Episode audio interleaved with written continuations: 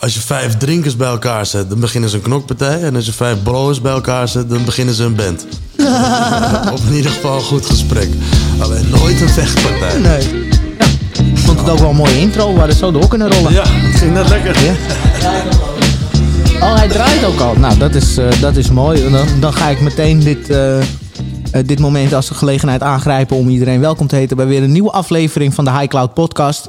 Vandaag vanuit het bewolkte Meidrecht, waar we een eh, goede wake and bake sessie eh, met onze grote vriend Jari hebben ingepland. We zitten bij Coffeeshop Espresso, eh, een van de vijf shops van thecoffeeshops.com. Ehm, die ja, heel, heel goed worden gerund door, door Jari en zijn familie. Welkom, bro. Ja, of dankjewel. ja, bedankt dat je mij welkom heet hier. Ja, eigenlijk. leuk dat je bent gekomen. Ja, Goed dankjewel. tijdstip, een beetje vroeg voor mij het doen. Maar Ja, ja, ja, voor jou maken we een uitzondering. Ja, en je hebt gelukkig hele goede koffie hier zo in Coffeeshop Espresso. Moet dat ook eigenlijk wel? Nou ja, goed dat je dat had begrepen. Ja, ja, ja. Dat moet natuurlijk wel. Maar daar vertelde je net ook al iets, eh, iets heel leuks over. Maar daar komen we straks nog, eh, nog wel bij. Ehm Gabber, dank je wel. Eh, wij kennen elkaar natuurlijk. We, we gaan wel met elkaar om natuurlijk in ons, eh, in ons netwerkclubje. Ehm, maar voor de mensen die nu luisteren of kijken... ehm, vertel eens even, wie ben je en, en wat doe je? Ja, wat kan ik eh, zeggen? Ik ben eh, Jari. Laten we zeggen dat ik eh, public relations doe voor de coffeeshops.com. Samen met mijn jongere broer en mijn vader runnen we dit bedrijf. Het is eigenlijk van mijn vader. Die is al sinds 1984 ermee bezig. Van één koffieshop, Koffieshop Siberië, uitgegroeid tot nu vijf koffieshops. Waarvan vier in Amsterdam, eentje dus in Meidrecht. Dat zijn Loft, dus, Siberius, Supermarkt, De Republiek. de Republiek. En espresso. En Dus, espresso. ja, ja, vijf stuks. Eh, ja, eh 84 dus begonnen. Eh, toen in 89 de Republiek erbij, een tweede shop. Eh, in 2001 kwam de supermarkt erbij, derde shop. Ook toen eh, ja, viel het qua drukte nog wel mee. Er waren natuurlijk een boel meer coffeeshops dan dat er nu zijn. Ehm, dus eigenlijk vanaf 2007, eh, toen zowel Espresso als Coffeeshop Loft in de baas erbij kwamen.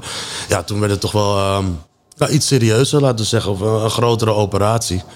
En ehm, ja, uiteindelijk is het uitgegroeid tot een fulltime bezigheid voor ons allemaal. Ik ben zelf begonnen op mijn achttiende, achter de bar. Eerst Ja? als, eh, ja, alleen maar kopjes wassen en eh, de stoep vegen. Ja. Eh, ik mocht de wiet niet eens aanraken in die tijd. Oké. Maar ja, als 18-jarig jochie begonnen, elke taak in het bedrijf minimaal een half jaar tot een jaar bekleed.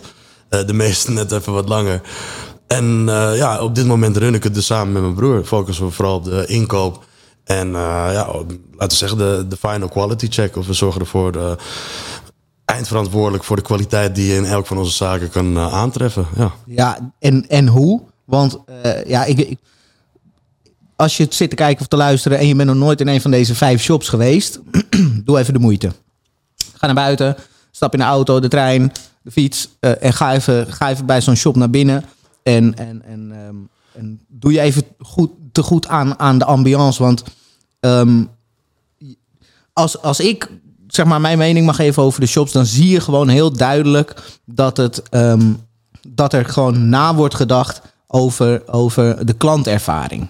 En over hoe kunnen we de shop nou beter maken. Ja. Terwijl er heel veel coffeeshops zijn eh, die ja, gewoon wiet verkopen. En zolang het goed gaat, gaat het goed. En voor de rest heel weinig ja, teruggeven of investeren in zeg maar, hun winkel of, of de klantervaring. Ja, Terwijl we zitten hier nu in de meest duurzame koffieshop van Nederland. Vertelde je me net. Eh, een hele frisse, een frisse locatie met veel ramen. eh, een, een, een mooie, eh, mooie inrichting. opgeleid personeel.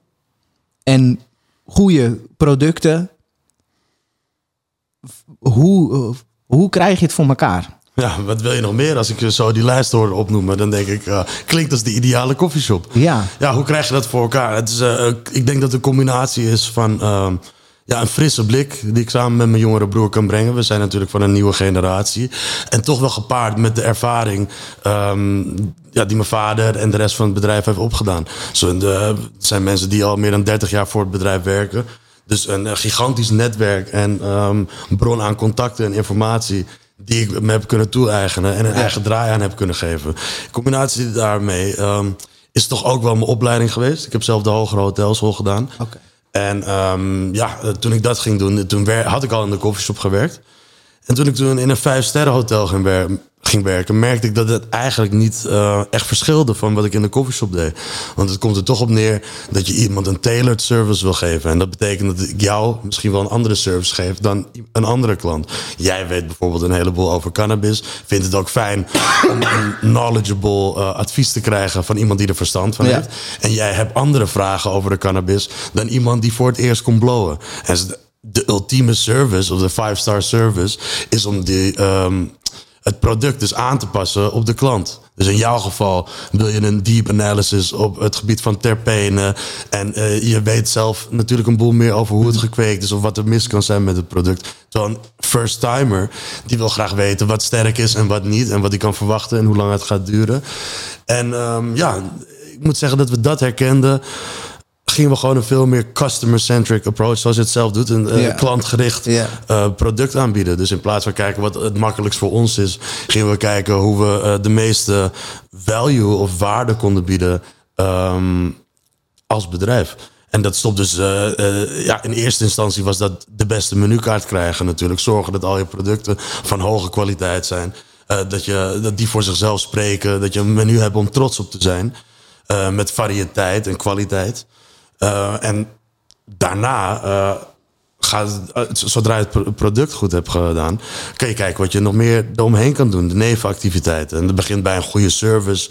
Inderdaad, opgeleid personeel. Dus bij ons in de zaken kan je verwachten dat elk personeel dat je precies kan uitleggen wat het juiste wietje voor jouw wensen zijn. of waar je voor moet uitkijken. Ze kunnen problematisch gebruik herkennen.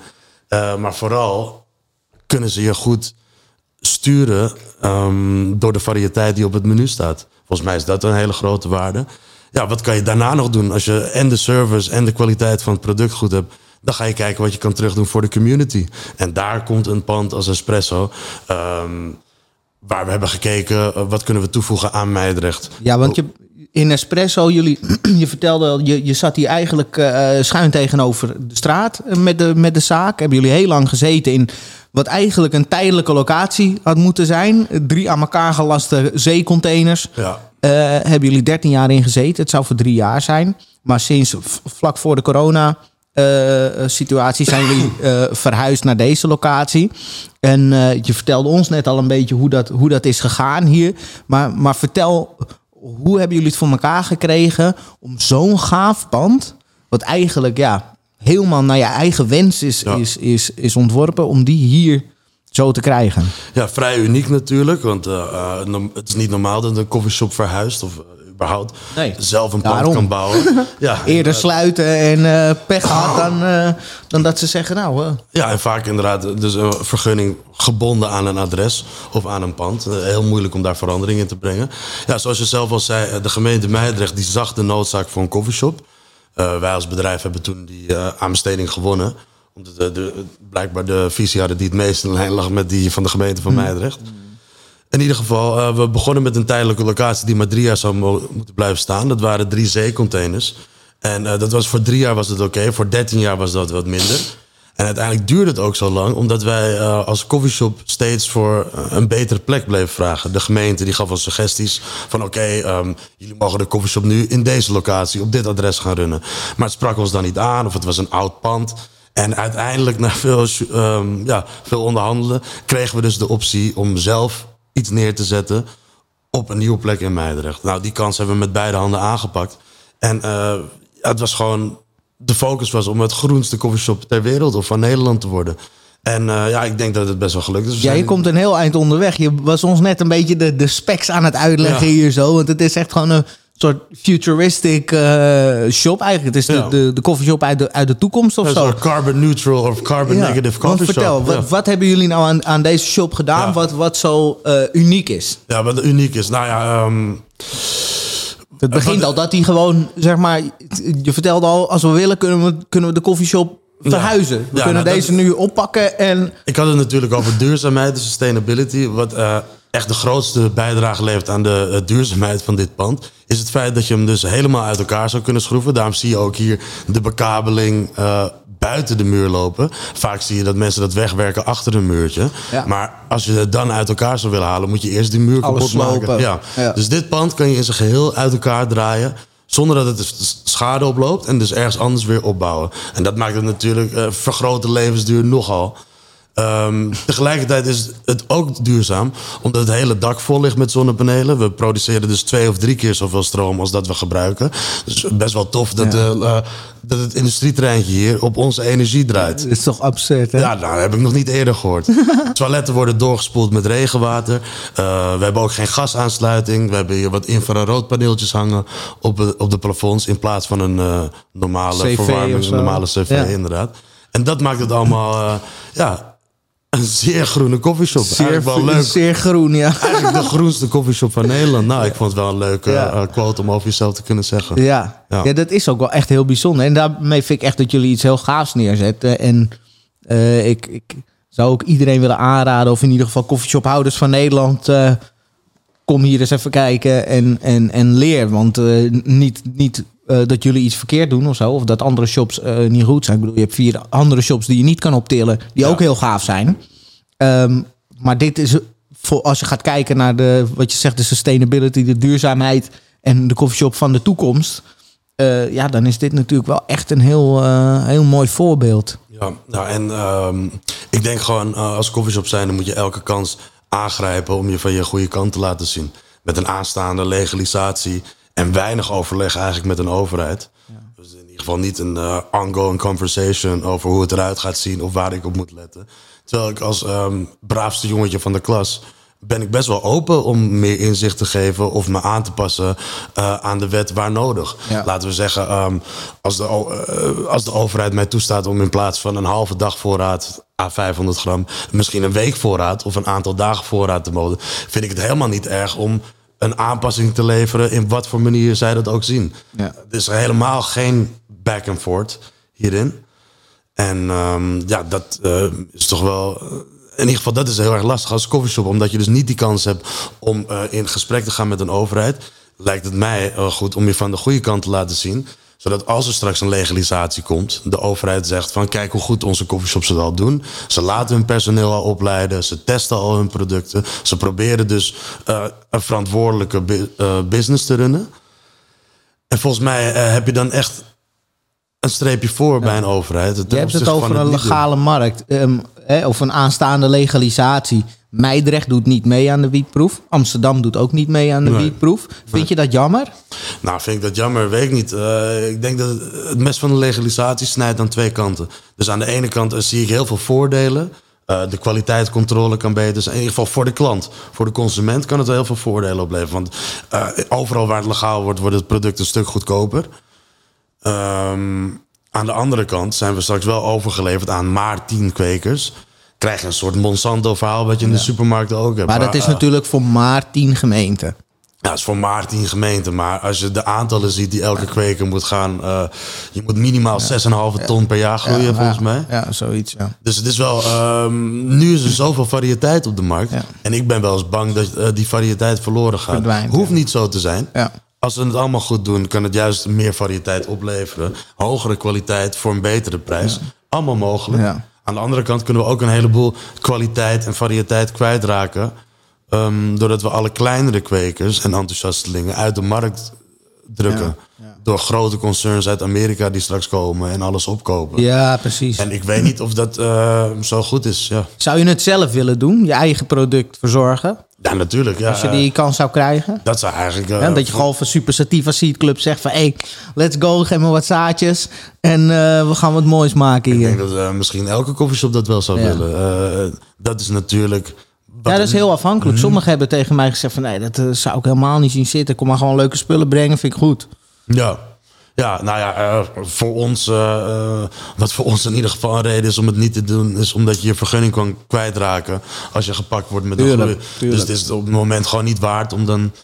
Maar ik, ik kan me voorstellen dat als je dus zelf een heel goed beeld hebt van wat je klanten leuk vinden en, en dat je heel proactief bent in zeg maar, het verbeteren van je koffieshop op allerlei vlakken en, en dat zeg maar, dat aanbod nog steeds zo'n ver ding is waar je eigenlijk hè, nog maar weinig, het, het komt aanwaaien, het, het vliegt je winkel in en het is ja, je hebt er nog steeds heel weinig vat op eigenlijk. Wat er, eh, wat Weinig er, invloed op. Weinig in invloed, ja. Je bent overgeleverd aan de markt. aan wat er aanwaait, Ja, zeg maar. En- Omdat je het dus niet legaal kan kopen. Dat lijkt me Precies. wel een, geil idee. Als ik Ja. eh, online kan bestellen, net zoals dat het bij Albert Heijn kan. En dat hier een je. Brinks auto eh, 10 kilo komt brengen. Bam. Dan kan je ineens veel meer soorten op het menu hebben. Ja. Dan hoef ik het zelf niet meer te testen. Want als het goed is, klopt het dan allemaal.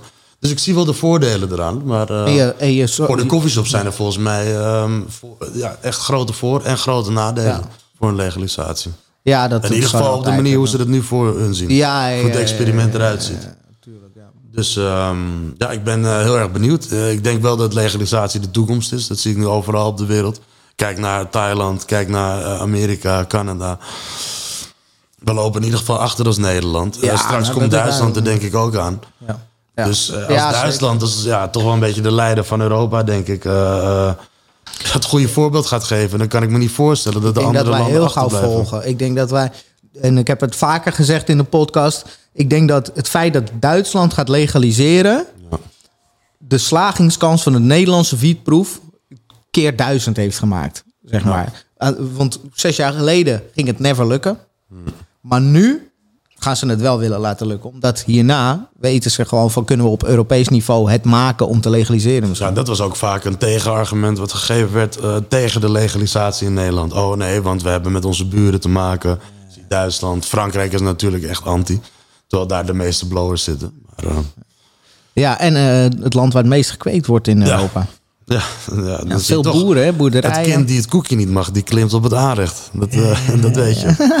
Ja, is- Ja, mooi. Dus ik denk, ik denk echt wel dat Duitsland een grote impact gaat maken. En denk maar niet dat ze in Duitsland een halfbakken gedoogbeleid gaan maken. zoals wij dat hier in Nederland Nee. kennen.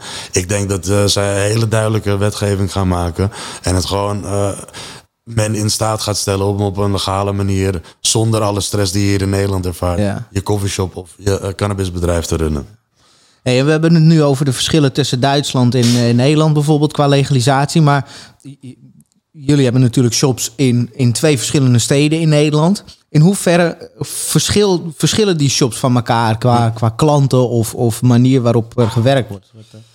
Ja, ik moet zeggen dat ehm, de, de klantenidentiteit die verschilt bij alle vijf de shops wel een beetje. Dus Ja? zelfs op eh, microniveau in Amsterdam. Eh, een staatsliederbuurt in West is gewoon heel erg, is al heel erg anders dan de baarsjes in West. Ja, En eh, dat is al zeker allebei heel wat anders dan Siberië in het centrum. Op de terwijl de menus eigenlijk gewoon vrijwel identiek zijn van de vijf shops. Ja, ja ik zou. zo- ik, ik denk dat er wel andere shops zijn die in een centrum shops iets meer vragen voor het product. Maar ik probeer overal. ehm, ja, in ieder geval de hardlopers of de meest verkochte producten. Die zijn in el- elke shop gewoon verkrijgbaar. Soms hebben we een shop exclusive. Als er een klein partijtje van iets exclusiefs is, doen we het alleen op, in één shop op het menu. Ja. Om toch een beetje die connoisseurs eh, eh, alle shops een keer af te laten gaan. Ja, wel leuk. precies. Ja. Eh, maar voor de rest, ja, je kan in ieder geval overal dezelfde kwaliteit voor ongeveer dezelfde prijs eh, verwachten. Ja. Ongeacht of je in West zit of in Siberië. Maar wat ik bedoelde is dat eh, de klanten die je er tegenkomt gewoon heel erg anders. Ja, ja, Zoals de gemiddelde uitgaven in de staatsdiedenbuurt. eh nou ja, tot 10 euro lager per klant dan dat het hier is. Omdat hier mensen gewoon van ver komen. Ze komen veel met de auto. Er zijn niet zoveel shops in de buurt. Ja. Dus als ze dan eenmaal hier zijn, komen ze vaak wel wat grotere aantallen halen. Ja, dan kopen ze meteen voor een aantal dagen. Terwijl in Amsterdam heb je misschien mensen die komen daar elke dag omdat ze daar naast wonen in principe. Of het zijn toeristen die van shop naar shop hoppen en overal iets willen proeven of zo. Ja, precies. Dus eh, als je naast de koffieshop eh, woont, dan hoef je ook niet vijf gram thuis te hebben liggen. Nee. Dan kan je gewoon naar beneden lopen en een kopje Ja. koffie drinken en daar je wiet kopen. Uh, houdt de shop het vers voor je. Ja, ja, In plaats dat precies. je dat zelf moet doen. Ja. Dus ja, dat snap ik wel. Hier is, is de eerstvolgende koffieshop is denk ik een kwartier rijden hier vandaan. Dus eh, dat verklaart een boel. Ja, ja, ja. En eh, eh, we zijn hier, dus ja, anders dan in Amsterdam, zijn we hier eh, een stuk later open. We gaan hier pas om 12 uur open. In de stad mogen we een stuk vroeger open. Ja. Maar ehm, ja, toch wel prettig. Ja. Ja, en het zijn toch eigenlijk over het algemeen die, die, die ochtend, tenzij je, hè, die, je hebt altijd wel een spits momentje in de ochtend voordat iedereen aan het werk en naar school gaat. Maar voor de rest is de ochtend wel een beetje slome tijd meestal. Dus dan is ook niet per se de, de tijd die open Ja, en nog een verschil tussen eh, ehm, de Ronde Venen en Amsterdam is dat, eh, ehm, dat weinig overleg met een overheid waar ik het net over had. Eh, ik heb het gevoel dat er hier in Meidrecht een stuk meer ruimte is voor overleg. Ja, want jij zei net dat je hier van de week nog met de burgemeester zat te chillen in de koffieshop. nou ja, In andere woorden. in, in ieder geval, het was een, een officieus bezoek. Er was een overleg hier met... eh Nou ja, overleg in of, ieder eh, geval. De, de dus even gebabbeld. De lokale gemeente die gaf, geeft ons in ieder geval de kans om een keer een gesprekje te Ja. hebben. In. Amsterdam eh, heb ik nooit het gevoel eh, of Nee. dat kan.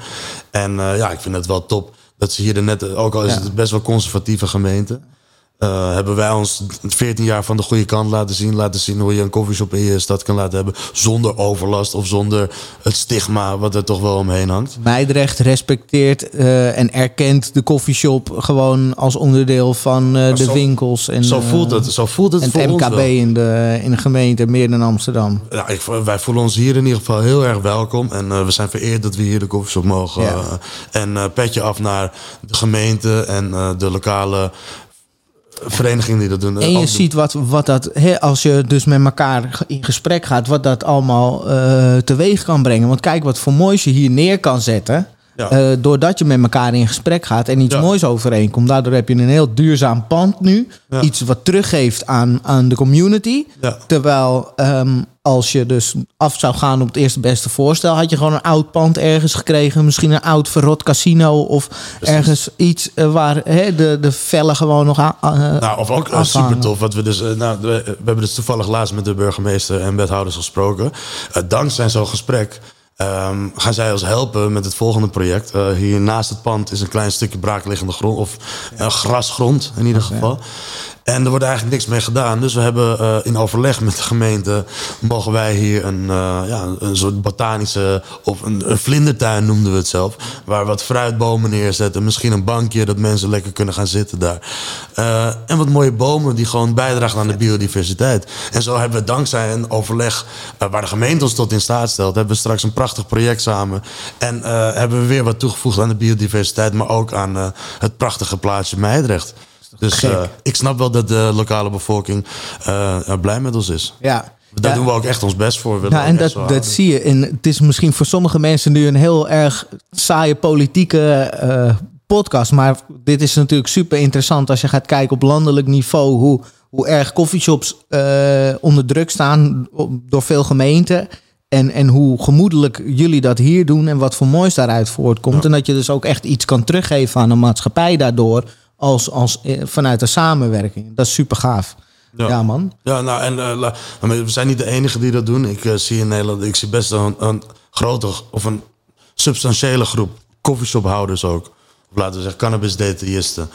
Ehm, die toch bereid zijn om meer te investeren in educatie of in het testen van hun producten. In ieder geval eh, echt een extra Ja. stapje proberen te doen om die kwaliteit zo hoog mogelijk te houden en om gewoon ehm, een voorbeeld te zijn voor eh, je functie.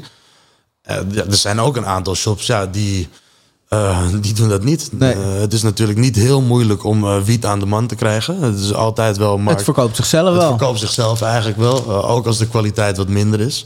Of de prijzen wat slechter. Maar dit soort dingen verkopen zichzelf sowieso wel. En je hoeft in ieder geval geen vlindertuin te gaan bouwen naast je shop om eh, genoeg wiet te verkopen. Nee. Alleen, ja. En je hoeft ook niet eh, je producten te laten testen. Dus, in ieder geval, dus dat is nog een ding wat ik eh, denk dat met legalisatie een stuk beter wordt. Als het gelegaliseerd wordt, reken er maar op dat al je producten dan goed getest zijn. Ja, want dat mag nu niet eigenlijk. Er mag niet eens, Er zijn gelukkig wel shops die het doen. En, Ja, ja, wij het ook trouwens. Maar Tuurlijk. En, en terecht, ik vind dat eigenlijk gewoon eh, meer dan logisch. Ja, alleen maar door een halfbakken gedoogbeleid is het dus onmogelijk om je product te testen. Ja. Eigenlijk heel erg raar. Ja, het- Want eh, elke klont suiker die je koopt in de supermarkt staat tot in detail welk zuur en eh E-nummers er allemaal doorheen zitten. Alles is en bij de cannabis zou dat niet, moet je maar geloven in wat iemand je heeft aangeboden. Ja, en de grap is, bij wijn mag dus niet op het label staan wat erin zit. Want dat zou de romantiek van de wijn schaden. Er mag niet Bro. op staan wat erin zit. mag niet opstaan wat erin zit. Het is niet, natuurlijk verklaar niet alleen maar druivensap. Snap je wat ik bedoel? Ja. Maar dat is hoe krom het is. Dus daar willen ze niet de slechte dingen die erin zitten erop zetten. Omdat zit er, ja, denk je dat er veel dingen sulfieten en wel. eh, allemaal eh, poedertjes en taurines om de zuurtegraden en dingen eh, Ja, te wel, reguleren. en ja man, zeker toch ook weten. een industrieel gebeuren geworden? Ja, man. En natuurlijk, er zijn ook toevoegingen en, en dingen die op, op cannabis worden gespoten, of pesticides, of P, eh, PGR's, Ja. PGR's, waar we het in de eerste aflevering over hebben gehad met, met Tom van Plantarium. Ja. Ja, dat wil je eigenlijk ook allemaal wel weten. Ja, toch? Hoe het zit. weten, tuurlijk, ja. ja. Ik wel in ieder geval. Ik weet Ja. niet, dat, dat evolueert een beetje ehm, met je mee. De eerste blootjes die ik rookte was wiet gewoon wiet of hees was hees. Ja. Rookte ik dat, werd ik er stoned van. Met tabak ook nog. En, Maakt eh, ook allemaal geen flikker uit. Ja, eigenlijk. eh, ik rook nu twee jaar puur, denk ik. Nou, beste stap die ik ooit heb gemaakt. Maar en niet zo verrassend dat iedereen eh, met tabak rookt. Want ja, de eerste joints die ik aangeboden kreeg, om die gedraaid werden, dat was altijd met tabak. Eh, In Nederland denken we dat het zo hoort. Tot ik de eerste Amerikaan eh, liet zien hoe ik een joint draaide. Nou, die lachte me uit. Of, die verklaarde me in ieder geval voor gek. En sindsdien ben ik ermee opgehouden eigenlijk. Ja. Ja. Ja, ik zag je laatst ook eh, half stikken in een, eh, in een videootje. Ja.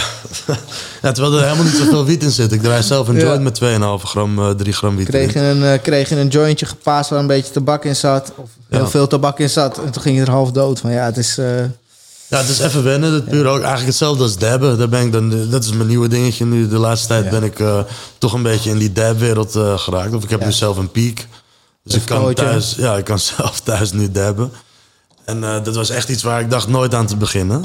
Maar ik vind het toch wel heel prettig nu Ja. de producten zoals die... eh, of producenten als die Pafco zijn. Ja, die maken het toch wel heel erg toegankelijk, vind ik. Ja, die maken dus, eh, voor wie het niet weet, Pafco is een, is een soort ja, elektronische dab rig. Dus je kan concentraten vapen met een, met een ja, soort vaporizer voor, voor, voor concentraten.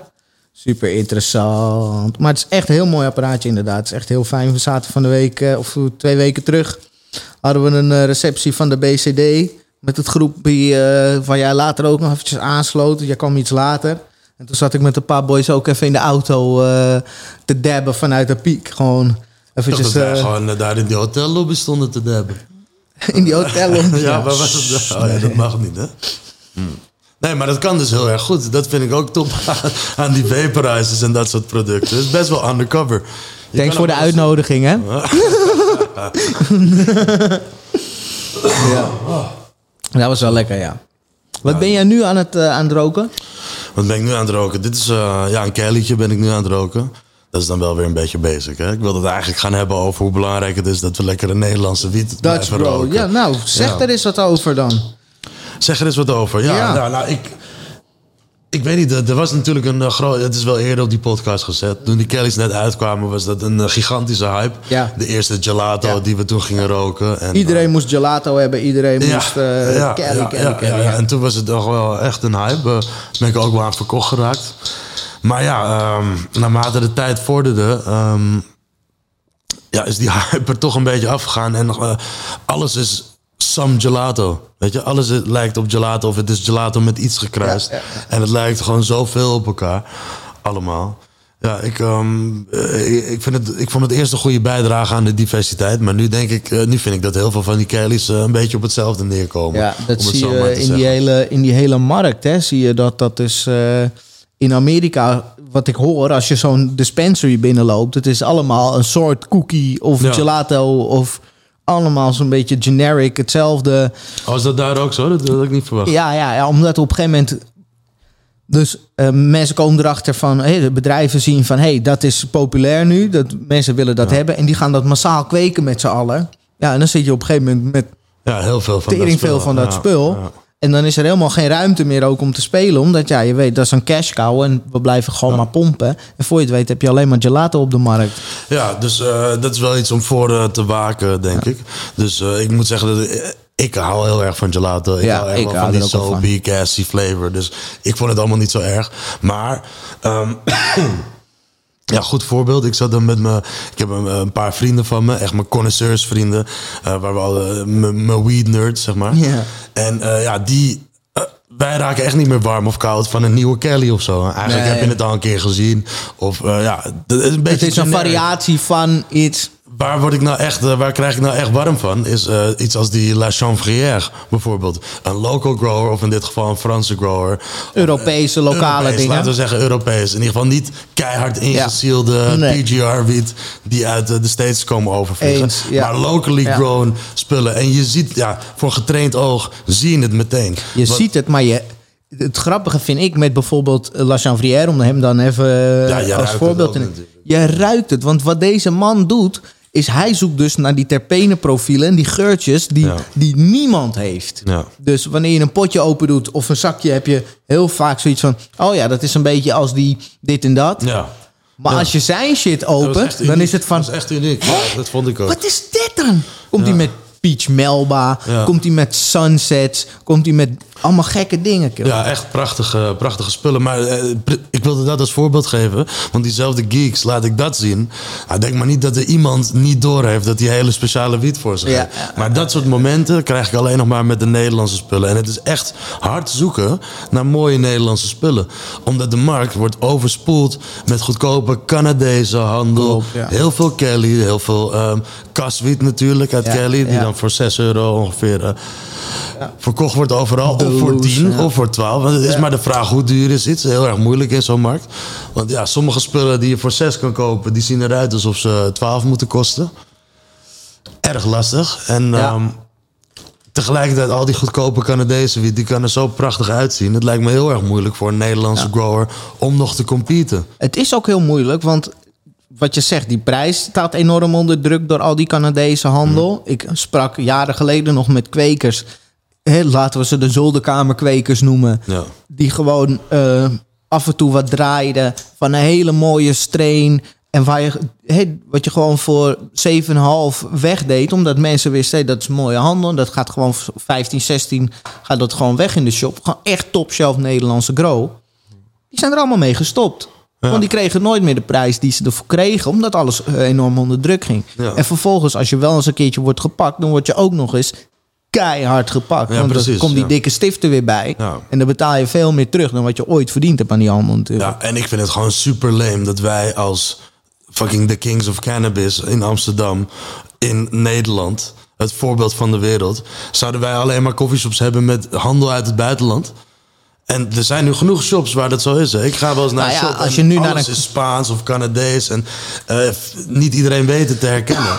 Maar er zijn genoeg shops die helemaal geen Nederlandse spullen Nee. meer op de kaart Nee, hebben als je nu een- cuppie jureert, dan Ja. is 80% eh is gewoon import. Ja, allemaal import inderdaad. En het niet eens zo slecht hoor. Nee. Ik moet zeggen dat de kwaliteit wel beter wordt van de Canadezen. Ook en van de Canadees, ja, ja, ja. Van Het de Spaanse ook. Het, wordt steeds, het wordt steeds wel beter, maar Ja. ik, ik, ik wil echt de Nederlandse growers supporten. Zo'n soortje als deze Zuccotti bijvoorbeeld. Ja, Ja, ja. ja. dat is een, eh, wel een kruisje van. Een Check de strain review, hè? Zuccotti strain review staan, op ja. de highcloud.eu. Ja, ja, ik had hem al gezien. Maar echt, eh, dat is nou een voorbeeld van een topsoortje Ja. eh, uit Nederland gegroeid. Soms kom je nog wel eens een leuke kosherkoes tegen. Maar het is Ook echt wel een gelato eh, kruising, hè? Ja, ja, ja, ja, ja, nou, ja, Daar, daar hebben we het niet over. Daar hebben we het niet over. Maar in ieder geval Nee, maar je mag wel. Ik vind ook wel. ik- Die genetica die kan overal vandaan komen, maar locally grown, dat is zo Ja. belangrijk. Ook voor de kwaliteit van die wiet, hè? Want eh, die Kelly wiet, die wordt allemaal zo in die vacuümzakken Ja, ja. geknald en al die trichomen die zijn Gooi er eens een microscoop op, dan zie je meteen. of Allemaal van die armpies, zonder Ja. koppies gewoon. ja, Allemaal van die, van die onthoofde trichoompjes gewoon. eh. dat is wel Ja. jammer, ja. ja. En ik, eh, ja, ik weet niet wat er. er is ook. Er zijn zoveel slechte spullen op de markt. Dat komt natuurlijk omdat er in Canada zo over geproduceerd wordt. Er worden er allemaal spullen vernietigd gewoon. Dus je kan het voor een habbekrats kan je heel veel spullen halen. Ja. En er zijn heel veel mensen die in de handel zitten die er precies niks van af weten. Dus eh, heel erg vermoeiend is dat. Die gaan af op de looks of... eh, Precies, die zien wat en die denken dat het goede spullen zijn. Ja. Ehm, ja, dat zeg ik van de tegenwoordig is het zo erg dat ik denk van de 30 samples koop je er één. Ja. Omdat de rest is allemaal hetzelfde. Generic Ja, weed from Canada of van Spanje. En het ruikt allemaal hetzelfde. Het rookt ook niet goed. Dus je kan het meteen... Het is allemaal hetzelfde. Maar het geeft een droge, kartonachtige Ja, smaak in je keel. Ik weet niet wat er precies mis Ja, dat is maar toch het in denk ik door, de, door bepaalde nutriënten of zo het ze gebruiken. Bepaalde voedingsmiddelen die gewoon hier in, eh, in Europa Ja. niet goedgekeurd zijn voor gebruik eh, Ja. eh, voor de consumptie, weet je wel. Ja, en die daar gewoon wel. En dan heb je, ja, dat ook. Ja, ja, er mag sowieso heel, dat is bij heel veel verschillende producten. Mogen de waardes van suikers en dat soort slechte, maar die, die zijn veel hoger daar. Amerikaanse Dus dat is shit is allemaal kankerverwekkend, ouwe. Ja, ja, dus dan, dat zou dan met de wiet ook wel hetzelfde zijn. Kijk naar die PGR's. Heb je het ook Pak haar hier met die shit. Ja, mhm. ja, man. Ja. Ja, dat is wel eh, inderdaad een risico. Dat is echt een groot risico. Dat je gewoon niet weet wat je, wat je rookt als je die eh Shit rookt. Of import überhaupt. Omdat ja. je weet niet of het de goede kwaliteit is of de slechte kwaliteit die, eh, Ja. waar ze vanaf wilden. Ja, ik, ik offer me op voor eh, al onze lieve klanten. Ik, Ja, ik ja, offer me op zodat jullie dat niet doen.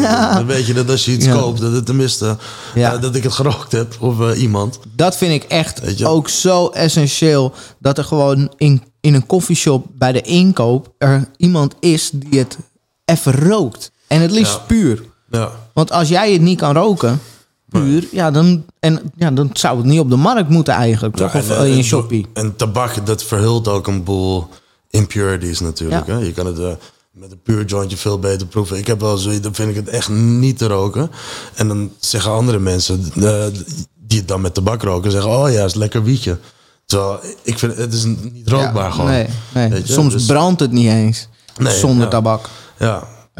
Gitzwarte as Ja. krijg je dan. Ja, echt eh, erg. Maar, maar tegenwoordig, wat je zegt, eh, nog belangrijker dan vroeger, dat iemand het gewoon rookt. Ja. Want eh, je krijgt zoveel spullen aangeboden die er net zo mooi uitzien als dit. Top Ja, wat- van de top uitzien, maar het is gewoon niet rookbaar. Ja, en dit ziet er echt heel mooi uit hoor, jongens. Want ik laat niet zo gek veel meer wiet zien en zo in mijn, in mijn filmpjes. Want ja, het censuur. Maar dit zijn wel hele mooie spullen hoor.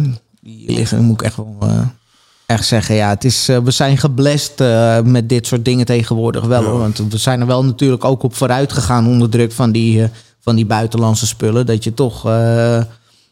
toch wel ook betere Nederlandse spullen krijgt, weet je wel. En die genetica hier ook wel een beetje inmenging krijgt en spannende dingen. Je komt ook wel veel in Spanje, hè? Hoe, Ja. hoe vind je daar de, de cannabismarkt? Nou, ik moet zeggen ehm, dat hij wel hard vooruit gaat. Elke keer dat ik in Spanje terugkom, heb ik toch het gevoel dat de kwaliteit weer iets omhoog is gegaan. Eh, zeker in steden als Barcelona. Ja, ja, ja. Eh, Best wel hoge kwaliteit. Dus er is daar gewoon meer concurrentie dan hier natuurlijk. Veel mensen staan er niet bij stil. Maar er zijn in Barcelona, denk ik, meer social clubs dan er coffeeshops in Nederland zijn. Ja? Ja, in ieder geval. In Bangkok in ieder geval wel. In ja Bangkok, eh, zo. Bangkok is helemaal cowboy shit, Ja, hè? en daar, dat is echt een emerging market. Maar eh, ja, Je bent nog niet geweest, hè? ik ben Thailand nog niet wel? geweest, eh, stom genoeg. Nee, maar eh er zijn wel very, eh, de mensen, er zijn veel mensen die daar wonen. Die zijn very adaptive. En zijn gewend aan grote veranderingen. Dus Ja. vanaf dag één dat die verandering er was, zijn er heel veel mensen opgesprongen.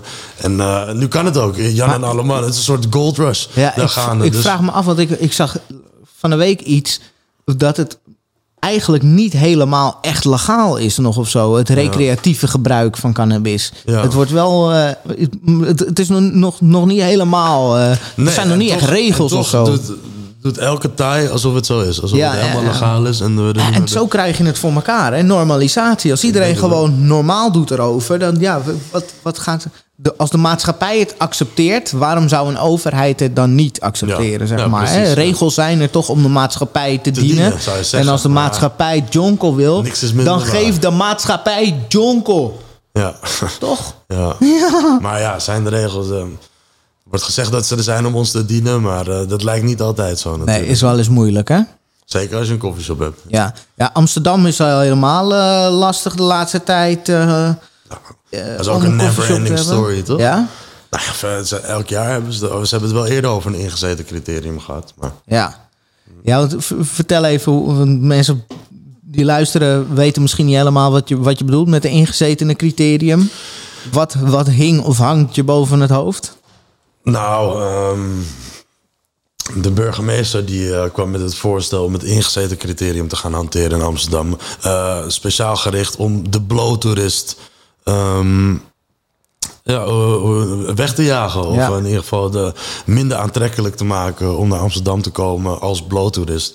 Omdat... ehm, eh, volgens de burgemeester waren de onderzoeken die duidelijk aangaven dat de blowende toerist juist is- voor al die overlast zorgt. Terwijl iedereen die ooit in Amsterdam is geweest, die begrijpt dat het eerder een drinkende toerist is dan een blowende toerist. Want als je, het maakt niet uit welke koffieshop je ingaat, de mensen die een blootje roken, die zijn over het algemeen vrij rustig. Ja, en de stag parties, de vrijgezellenparties Ja, die, eh, die zijn de heel stad erg in eh, da- nadrukkelijk aanwezig natuurlijk. en, eh, Vervelend aanwezig. ja, volgens mij zijn er, volgens mij is het alcohol is aantoonbaar dat het men agressief maakt. Ja. Of dat het een directe verhouding staat met de, de agressie die mensen ervaren. En, dus en cannabis minder geweld. kan het helemaal, ja, inderdaad helemaal niet het tegenovergestelde effect. Ik had een klant die zei laatst een leuke one-liner. Die zei, ehm, als je vijf drinkers bij elkaar zet, dan beginnen ze een knokpartij. En als je vijf blowers bij elkaar zet, dan beginnen ze een band. of in ieder geval een goed gesprek. Alleen nooit een vechtpartij. Nee, leuk idee. Wij kunnen ook wel een rapformatie beginnen of Ja, iets. Gewoon. Ja. ja.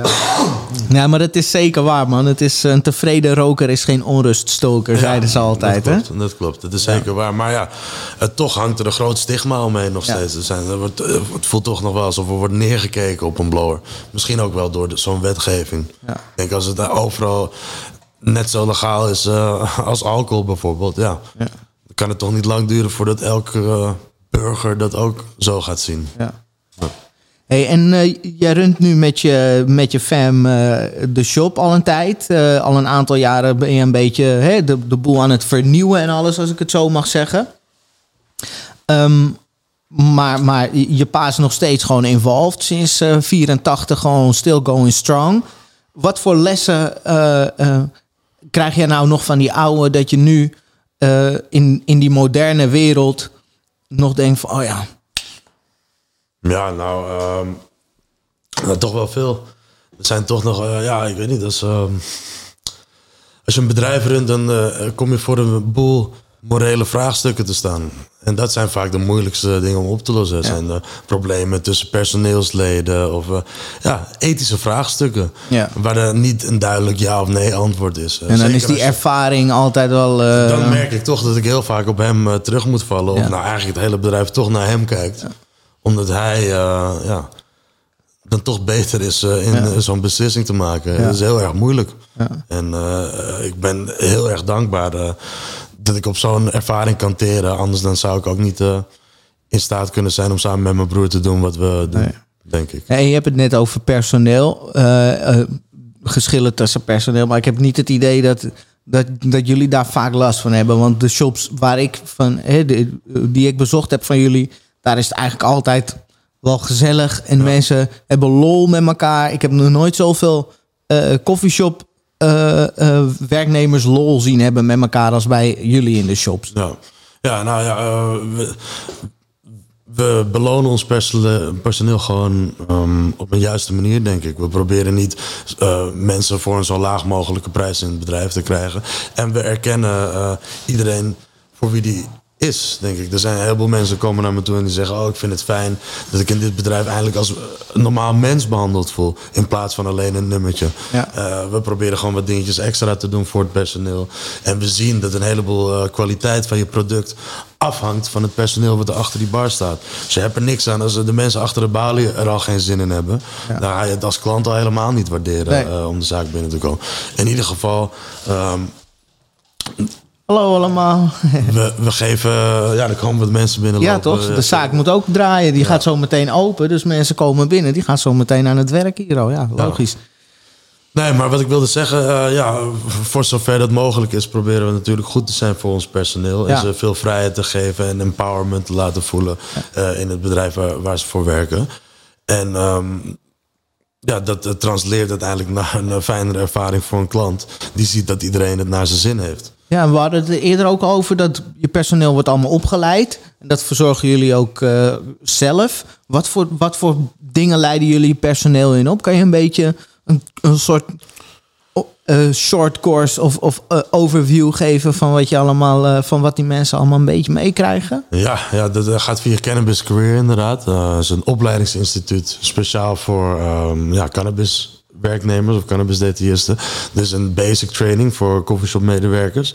Ehm, ja, dat, zijn, eh, dat gaat over ja, laten we zeggen, een, eh, een, gewoon een beginnerscursus cannabis. Het duurt wel een hele dag.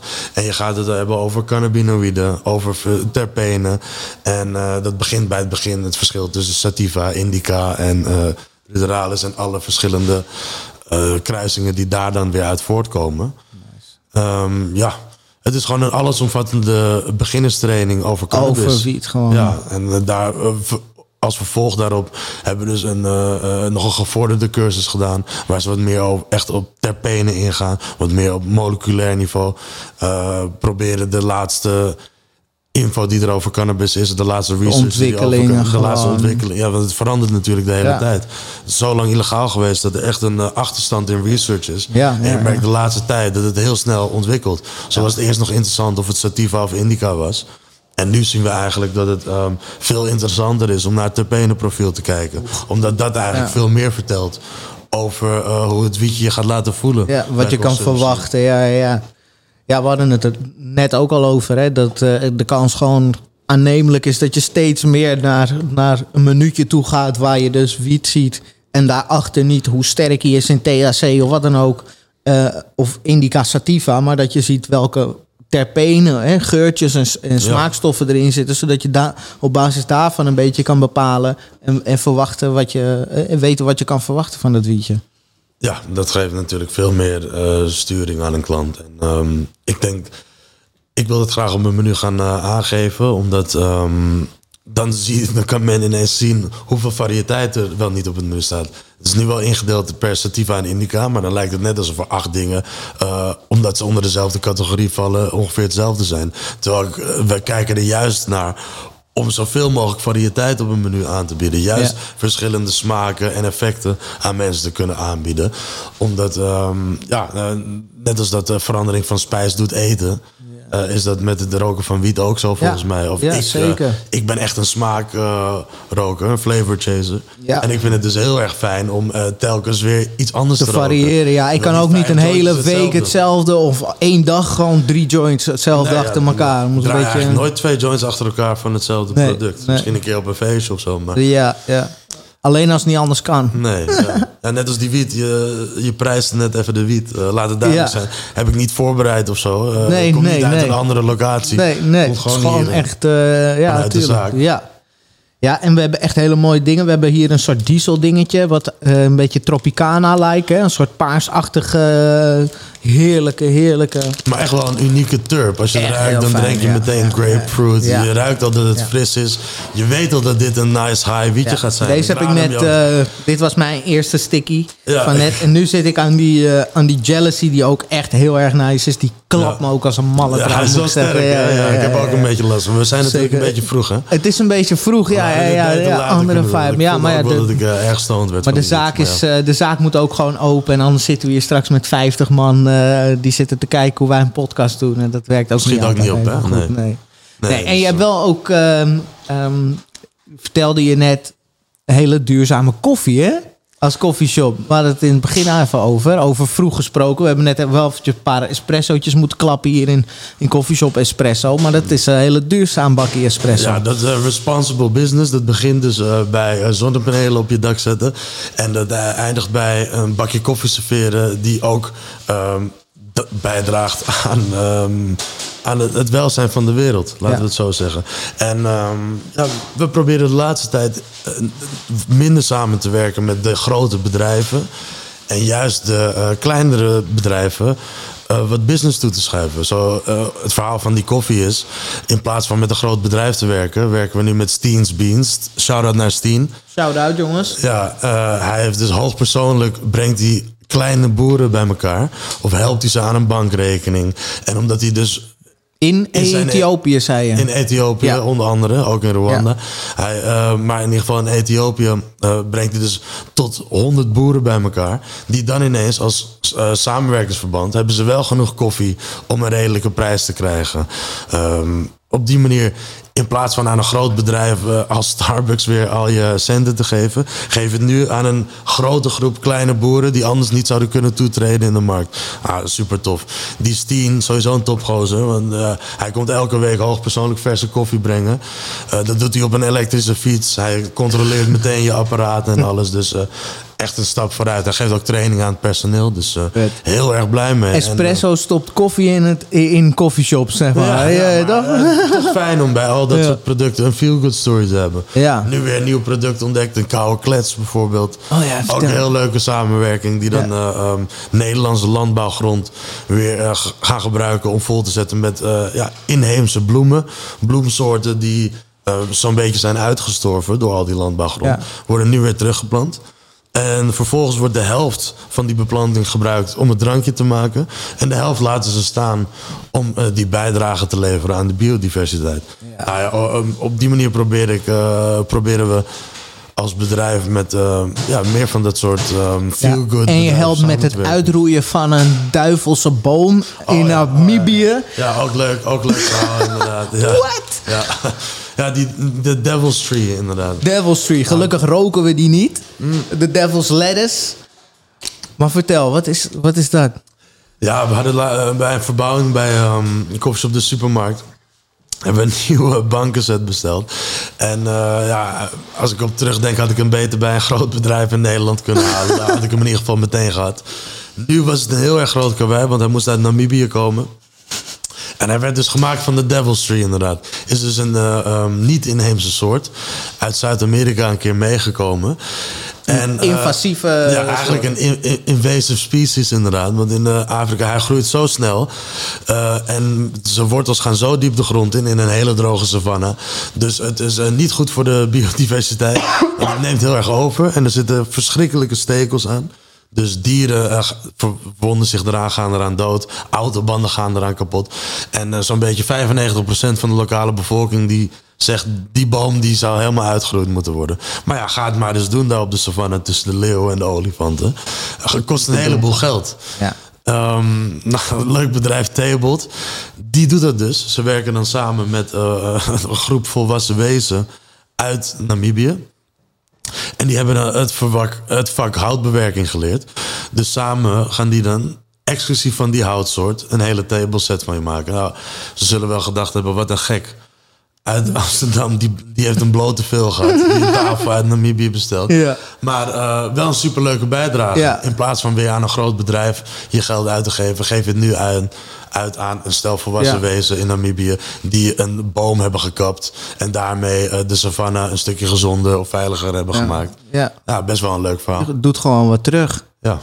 Ja. Nou, deze vloer is ook gemaakt van de Devil's Tree, jongens. De zalig vloer van houtpulp van de Devil's Tree. Nee, nee geintje. Maar je kan wel bestellen op zalig.com met de RC 10%, 10% korting.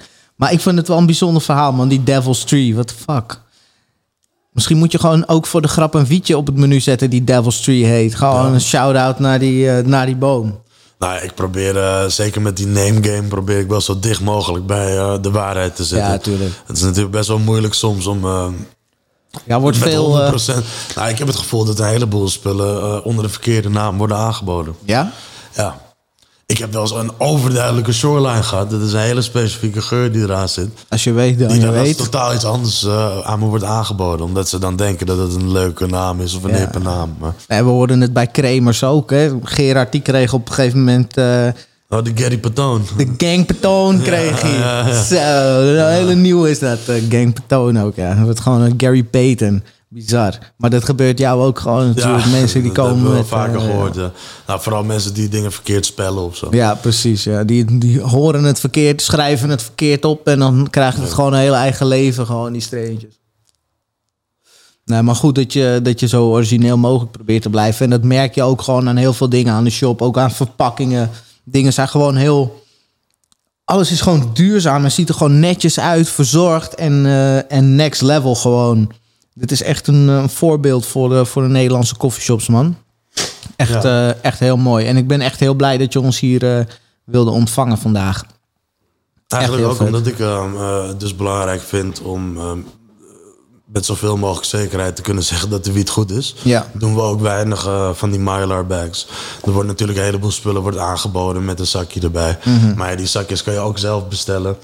Heel moeilijk om te zeggen of dat echt de wiet van die producent is. Die producent gaat het in ieder geval nooit toegeven. Want die wiet kan overal vandaan zijn gekomen. Nee, daar gaan wel wat verhalen over rond, inderdaad. Over, eh, ja. Je kan gewoon zo'n zakje kopen en Ja. een ander wietje erin gooien. Ja. Ja. dat, ehm, En daarom, eh, zelfs als het met zakje wordt aangeboden, verkopen we het vaak liever zonder. Ja, ja, dat vind ik wel nice. Omdat ja. de kwaliteit van de wiet, daar gaat het uiteindelijk om. Ja, niet omdat er een, niet eh, om leuk het zakje glimmende zakje inderdaad. Toch vinden mensen het wel leuk om het te verzamelen. Er wordt wel om gevraagd, maar... eh, Ja, ja verpakking en, en branding is natuurlijk ook wel belangrijk voor, voor bepaalde eh, kwekers en, en, en mensen die uiteindelijk straks in de legale markt iets willen doen. Weet je wel, je, als, je, als je jezelf niet zichtbaar maakt, dan weten mensen ze- je niet te vinden als je straks legaal wil gaan natuurlijk. Maar het is ook gewoon inderdaad wat je zegt. Het gaat uiteindelijk om de kwaliteit van de spullen. En, Ja. eh, en als iedereen een ander zakje hier in de winkel zet, dan wordt het ook een, eh, een discotheek natuurlijk.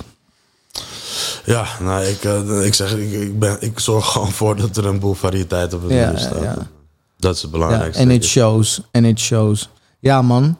En eh, ik denk dat het een mooie, mooie noot is om, eh, om mee te eindigen. En ik wil, eh, wil jou sowieso bedanken voor, voor de gastvrijheid vandaag. En, en om ons te ontvangen hier zo. En wat meer te vertellen over deze, ja, de groenste shop van Nederland gewoon. Ik vind Ja. het prachtig. En ik hoop dat het een voorbeeld is voor, voor mensen die zitten te kijken. Die denken van wow, zo kan het ook.